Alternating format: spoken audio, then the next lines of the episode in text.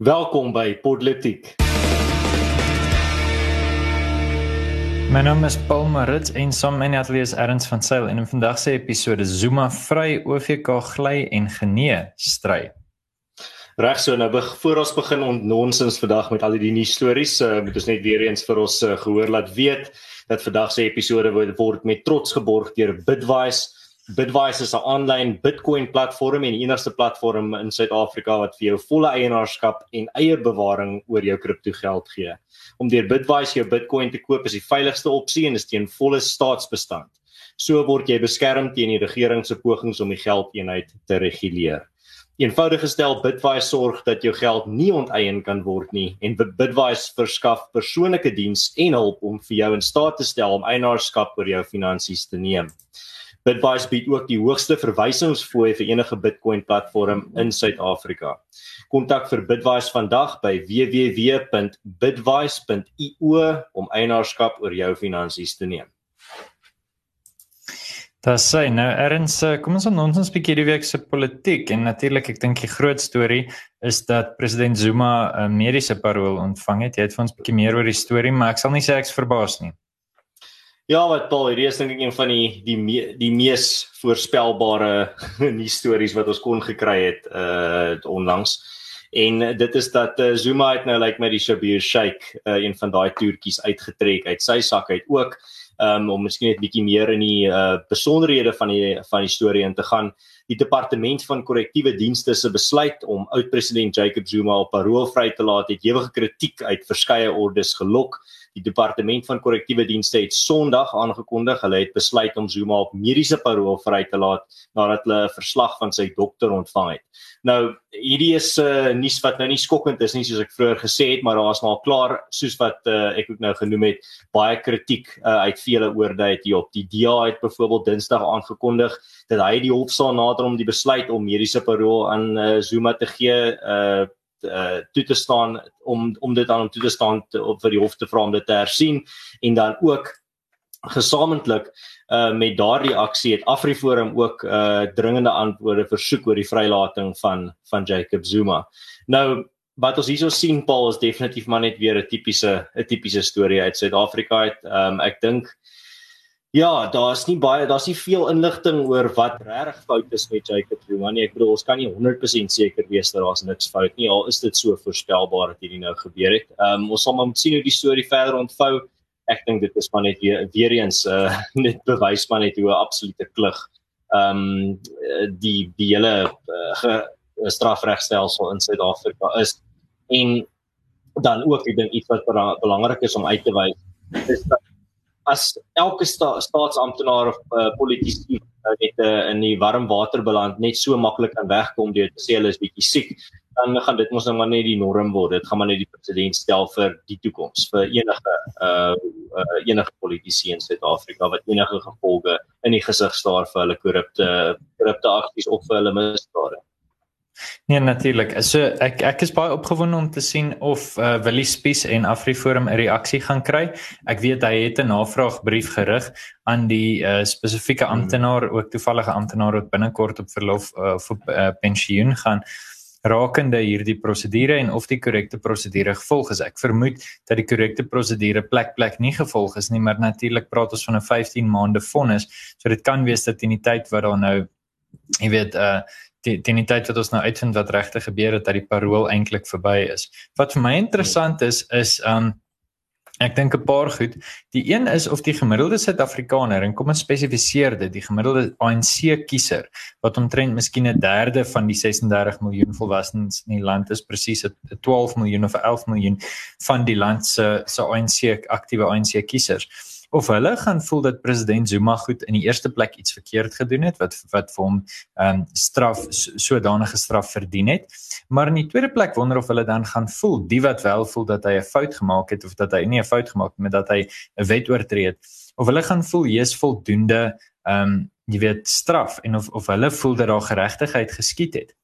My my hoop wil ek amper sê is dat hierdie nog 'n bietjie strooi op die donkie se rug is dat die die getroue ANC kiezer wat vir die afgelope 27 jaar elke verkiesing op die bus klim en die ANC T-hemp aantrek en die kruisie gaan maak langs die ANC of hulle nie dalk op 'n punt gaan kom en gaan besef maar hier's al hierdie feite wat vir ons uitgelê word.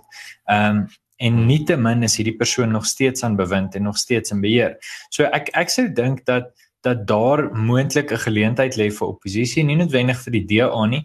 Die DA sal natuurlik die prosedures volg en hulle, jy weet, teiken natuurlik aan 'n mark. Ek dink vir al die EFF, as hulle hierdie ding huis toe dryf, ons het destyds gesien met die payback the money veld tog hoeveel internasionale aandag hulle getrek het. So ek dink suiwer vanuit 'n politieke oogpunt uit is hier 'n geleentheid vir die EFF om weer relevant te word. Ons praat baie oor hoe die EFF se relevantie afgeneem het, want hulle primêre kwessies toe hulle in 2012 ontstaan het in 2013 ek's nie presies seker nie maar hulle 2013 eerste grondwet praat van uh onteiening sonder vergoeding en dit praat van die reservebank wat genasionaliseer moet word.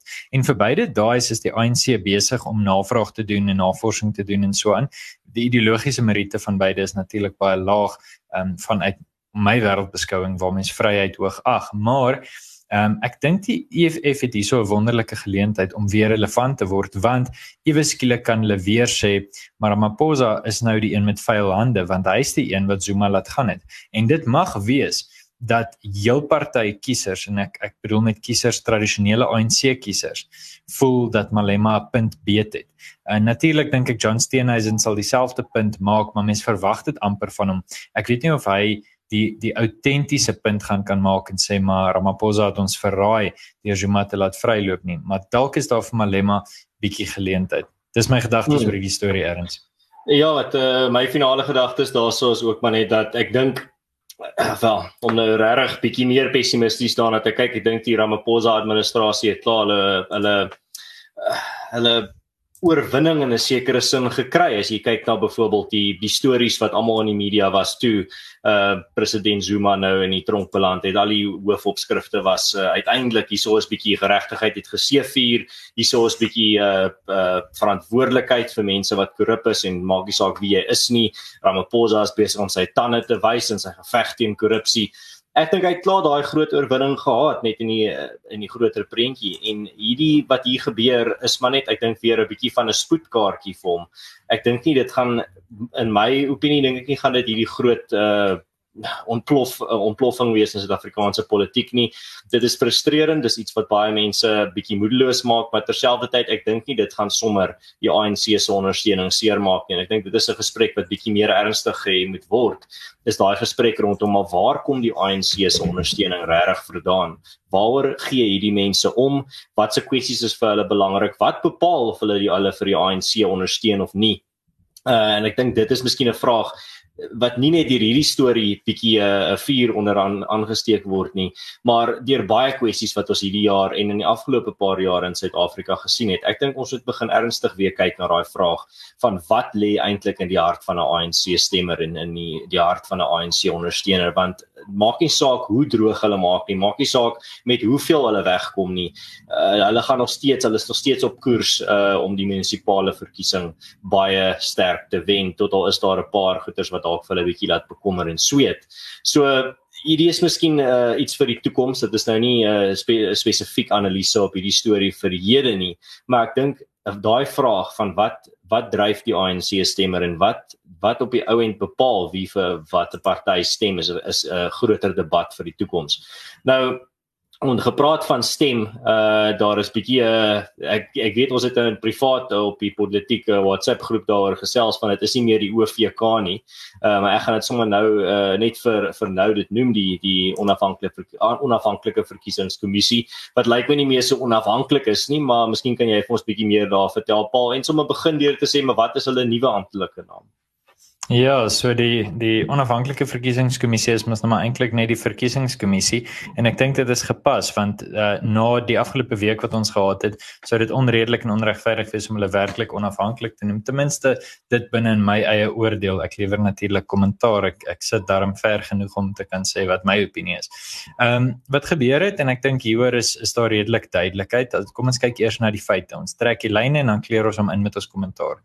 Die 23ste Augustus het die tyd verstryk vir kandidaate om aansoek te doen om binne in wyke verkiesbaar gestel te word. So wat tipies gebeur, dink jouself in dit is soos as jy op skool is en jy is graad 11 en jy juffrou vra wil jy 'n prefek wees?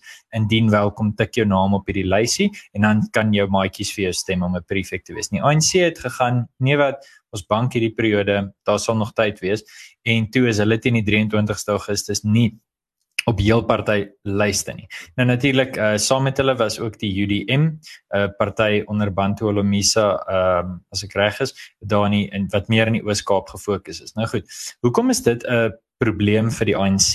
Wel want dit beteken dat hulle heelwat uh setels gaan verloor. Heelwat munisipaliteite waar hulle tans regeer of die amptelike oppositie is, gaan hulle verloor. Veral nogals in die Limpopo provinsie en ek dink die EFF sal weer eens dit as 'n geleentheid sien om relevant te wees um en om politieke kapitaal te wen.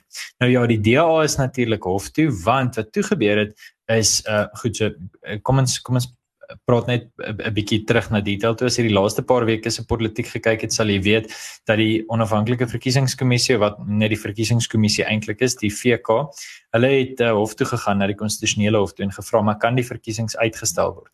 Die konstitusionele hof sê toe nee die verkiesing moet gebeur tussen 27 Oktober en 1 November So dit is die venster waar binne dit moet gebeur. Nietemin is dit die verkiesingskommissie se voorneme om weer die aansoeke vir kandidatuur oop te maak. Nou hoekom sou jy dit doen? Dit maak nie sin nie. Ehm um, jy weet uiteindelik die konstitusionele hof het gesê die verkiesing gaan nie uitgestel word nie. En nou is hulle argument ja, maar daar is weer geleentheid vir mense om te registreer om kiesers te te word of te registreer om te stem. So dis moet daar nou ook weer geleentheid wees vir partye um, om hulle self verkiesbaar te stel. Wat, wat my betref, dink ek dis duidelik soos daglig wat hier aan die gang is. Daar's politieke druk binne in die verkiesingskommissie. En ek sal nie verbaas wees as daai druk direk van die ANC afkom nie. Dit kan mens natuurlik nie bewys nie, dis spekulasie. Maar ek wil my skaar by die opmerkings van Helen Zille in sosiale media hierdie week waar sy gesê het dat die verkiesingskommissie die knie buig voor die ANC. Want dit is inherënt wat hier gebeur. Die ANC het 'n massiewe verleentheid in die gesig gestaar waar jy de facto 'n area beheer oor 'n area verloor op politieke vlak net omdat jy te slap was om 'n kandidaat te nomineer. En uh, so hier word die ANC se reputasie grootliks gered indien die verkiesingskommissie weer hierdie aansoeke sou oopmaak. Ek dink wel dat 'n mens kan verwag van die DA af, van die Vryheidsfront af en heel moontlik ook van burgerregteorganisasies soos AfriForum self om dit ewig teen te staan. Uh ek dink dit sal goed wees vir Suid-Afrika. Um as jy weet in indien die ANC nie die geleentheid kry om later aansoek te doen nie vir 'n eenvoudige rede. Dit sal ook vir die wêreld wys dat ons nie net reëls links en regs buig vir die ANC nie. Ehm um, my vrees en my voorspelling is ongelukkig dat die ANC hulle sin gaan kry. Hulle is bietjie van 'n boelie, nie bietjie van 'n boelie nie, maar ons leef in 'n eenpartytjie staat en die ANC is geneig om te kry wat hy wil hê ongelukkig. Mm, ja, Paul, uh, ons ons leef definitief in 'n in 'n land waar die regering en die regerende party amper sinonieme geword het in mense se se verstand. En miskien net iets om uh, iets wat ek wil aanraak is wat eintlik wat my kollega Jacques Broodryk uh, gesê het hierdie week waar hy gesê het dat as indien die uh, die OVK of net die die VK uh, in die sak van die alwel uh, frottes van die kaderontplooiing dan beteken dit ons kan nie enige verkiesings uh, uitslag in die toekoms regtig enigsins vertrou nie. Ehm um, want soos wat dit hier lyk en ek bedoel hier dis maar spekulasie ons het nie 100% bewyse hiervoor nie maar die die omstandighede lyk my dui daarop is dat die ehm um, die verkiesingskommissie is definitief ook nou uh het die het party oor land gekies en uh, dit is dit is maar baie dit skets maar 'n baie donker prentjie vir die toekoms. Ek is in dieselfde bootjie as jy Paul as dit kom by ek dink die ANC gaan hulle gaan hulle uitkomste hier kry wat hulle soek. Ehm um, ja mense moet nie onderskat dat die ANC mag dalk in 'n verswakte posisie wees maar hulle hou nog steeds baie mag vas. Hulle het nog steeds 'n baie harde eysterklou wat hulle kan gebruik.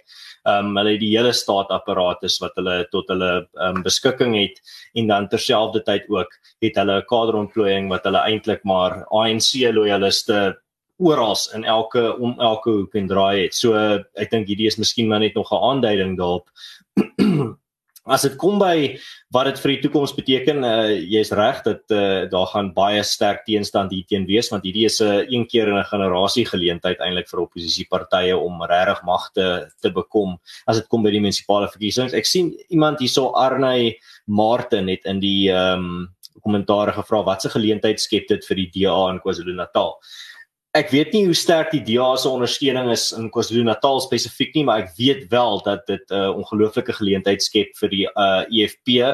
Ehm um, daarso wat bietjie meer van 'n Zulu steun het, hulle het baie sterk steun daarso in KwaZulu-Natal. Hulle kan dalk 'n hele paar munisipaliteite dan vat.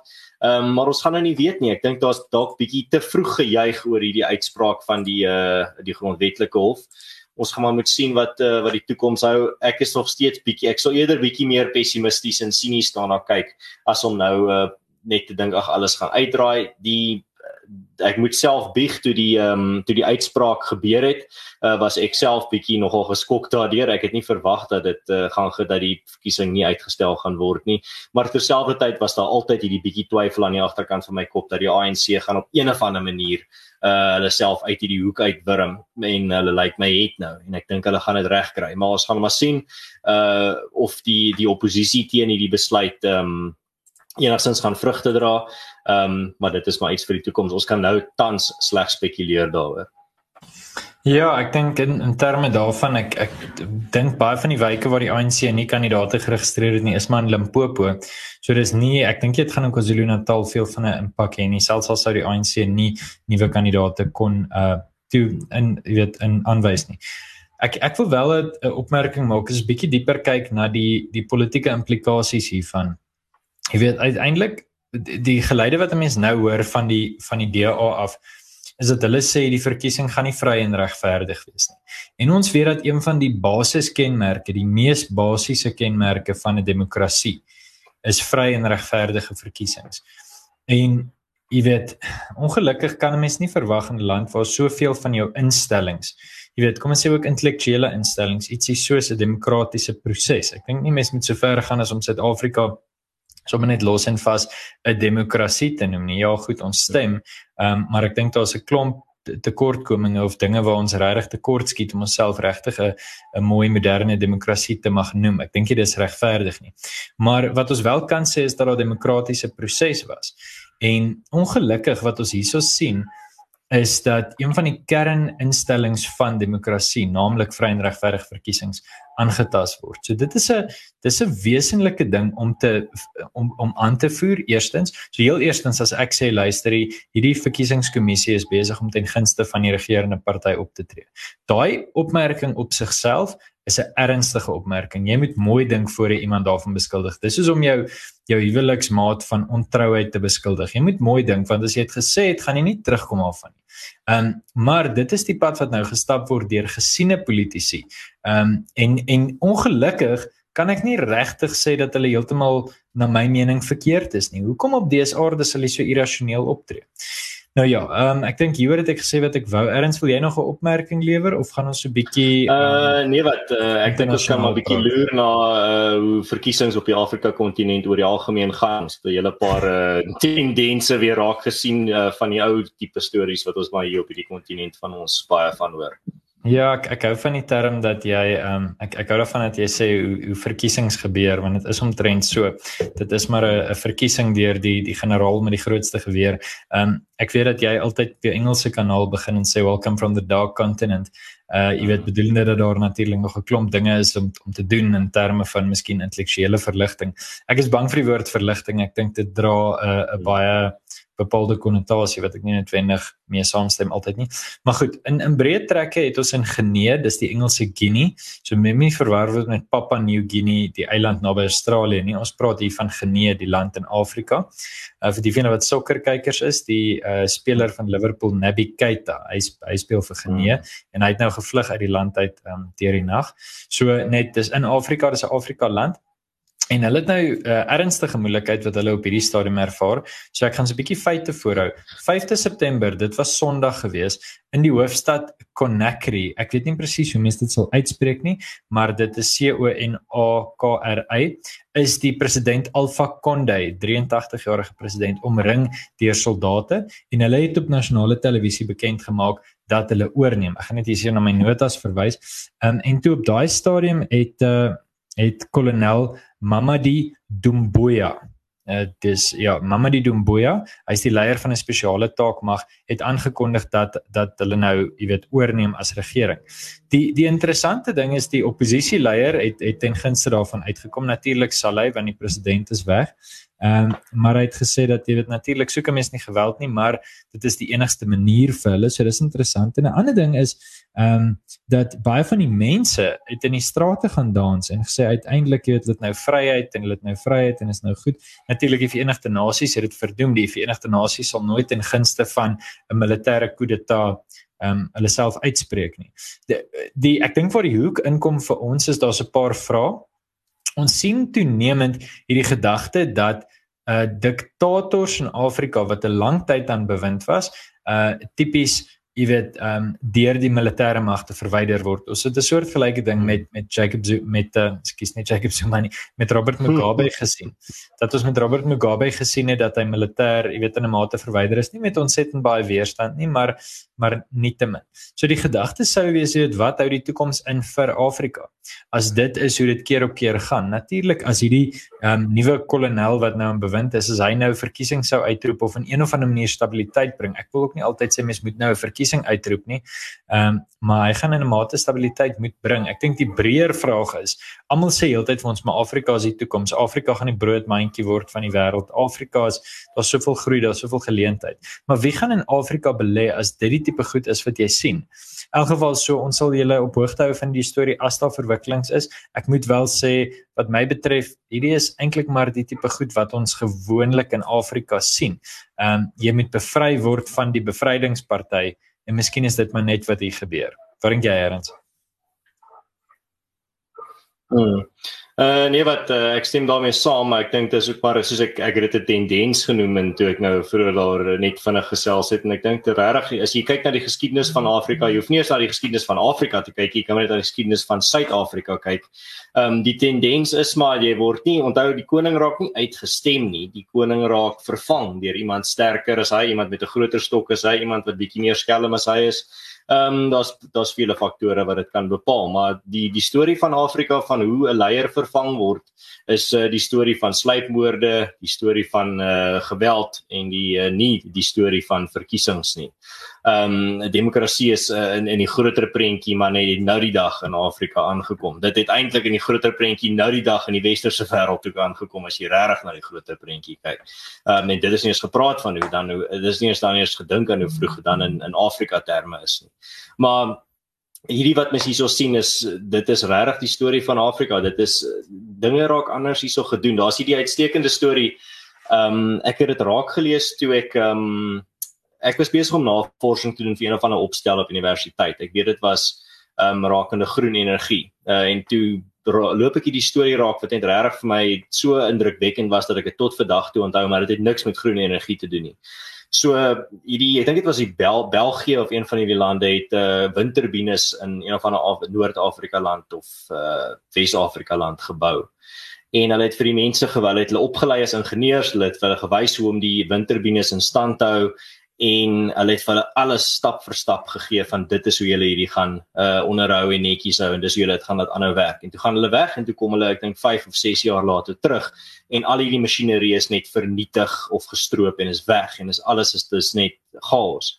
En hulle vra vir die mense maar wat het gebeur? Ons het vir hulle baie duidelike riglyne gegee van dit was so maklik en hulle sê vir hulle en die antwoord van die die mense wat daar gebly het, het was julle moet verstaan dat wanneer julle hier teenwoordig is, dan is julle ehm um, dan is julle kragte en julle gode ook hierso. Maar sodra julle weggaan, dan dan eh, kom die realiteit terug dat die ou gode nog steeds regeer in Afrika. Net daai daai beeldspraak, dink ek het nogal baie wat mense daar binne in kan lees.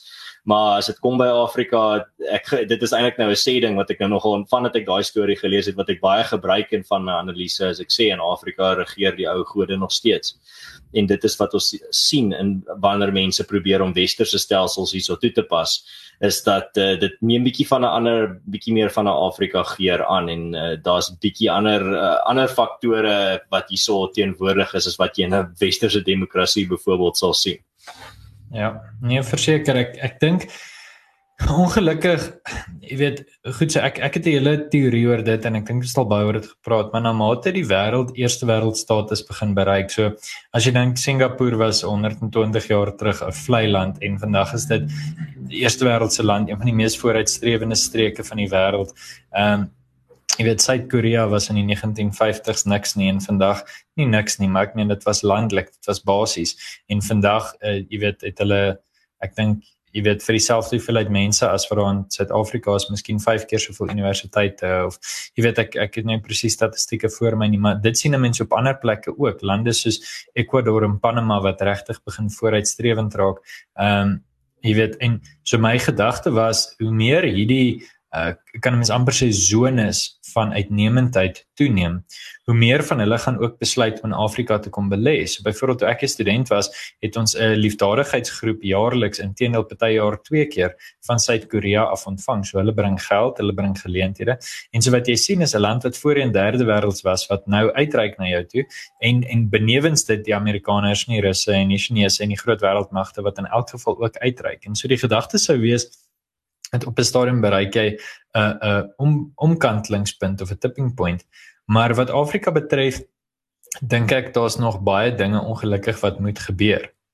En as dit is dat Afrika se grense, jy weet, deur deur eksterne magte getrek is, goed, dis 'n moontlikheid en dis iets wat homself sal uitwoed deur ons leeftyd. Ons sien dit in baie voormalige kolonies, tipies in Indië, ehm um, waar die Indië-Pakistan grens, jy weet, getrek is deur 'n 'n Britse man wat iets soos 3 maande in sy lewe in Indië spandeer het. So, ehm um, uiteindelik moet ons op 'n punt kom wat ons wat ons vir onsself vra waar jy nou vir Afrika?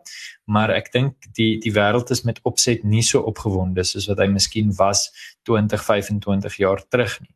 Ek dink Afrika sal met 'n lang harde kyk na onsself wat as kontinent en sê daar's soveel geleenthede. Ons is so goed geleë. Um, ons het die wonderlikste natuurlike hawens. Ons het die wonderlikste toeriste geleenthede ons enigste probleem op hierdie stadium is die ideologie en ehm um, regeringsbenadering wat ons neem. Ehm um, en en jy weet wie wie blameer mense vir dit? Wat s'ie pad vorentoe vir dit? Almal het hulle eie idees, maar uiteindelik sal ons moet moue oprol en ophou om die vinger uit te steek na die wêreld toe en die vinger na onsself toe te steek en te sê maar kom ons vat verantwoordelikheid. En ek is bly om te sien dit gebeur in Ghana, ek is bly om te sien dit gebeur in Rwanda in 'n mate natuurlik niks van daai voorbeelde is perfek nie. Maar ek is bly om te sien dit jy weet daar is gesprekke oor hierdie goed. Natuurlik Suid-Afrika gaan leidend 'n leidende rol moet speel met hierdie goeters. Ehm um, maar ja, so stelselmatig hoop mense vir die beste vir Afrika. Het jy 'n laaste gedagte hieroor? Uh ja, wat ek dink uh, my laaste gedagte daar sal net wees dat ek dink die uh, potensiaal in Afrika is dalk nie soveel finansiëel nie maar dalk meer stelsel-gewys of wat stelsels betref. Ek dink hieso is ons besig om uh, aan oplossings te werk wat oplossings wat nêrens anders in die wêreld ontwikkel kan word nie. Ek sien amper oplossings as 'n uh, in, in in terme van tegnologie amper. Wel uh, ek sien dit amper as die soos die ontwikkeling van tegnologie word oplossings en nuwe idees ook ontwikkel, maar jy kort 'n sekere soort teelaarde, jy kort 'n sekere soort omgewing vir daai oplossings om in te groei en ek dink Afrika is dit is een van die groot goed wat Afrika dalk in die toekoms voor bekend gaan wees, is die meer onortodokse kreatiewe oplossings wat hier gevind word vir probleme wat dalk ons westerse uh, niggies en neefies nog glad nie eens kan verbeel nie. Nou ja, baie dankie Ernst, was lekker om saam met jou te gesels. Vele daar by die huis, soos die ANC wat die gevolge van hulle eie optrede moet dra, is hierdie episode vir eers verby. Uh as jy hou van wat ons doen, klik op die subscribe knoppie en uh klik ook op die klokkie dat jy kan sien wanneer ons regstreeks uitsaai. Ons nooi jou as luisteraar uit om self te ontnonsens daar waar jy is in jou kringe vir die gesprek en vertel mense van politiek verwys hulle. Nou ondersteun politiek ook deur Bitwise te ondersteun en jy is baie welkom om vir ons 'n resensie te los. Nou ja, tot volgende keer.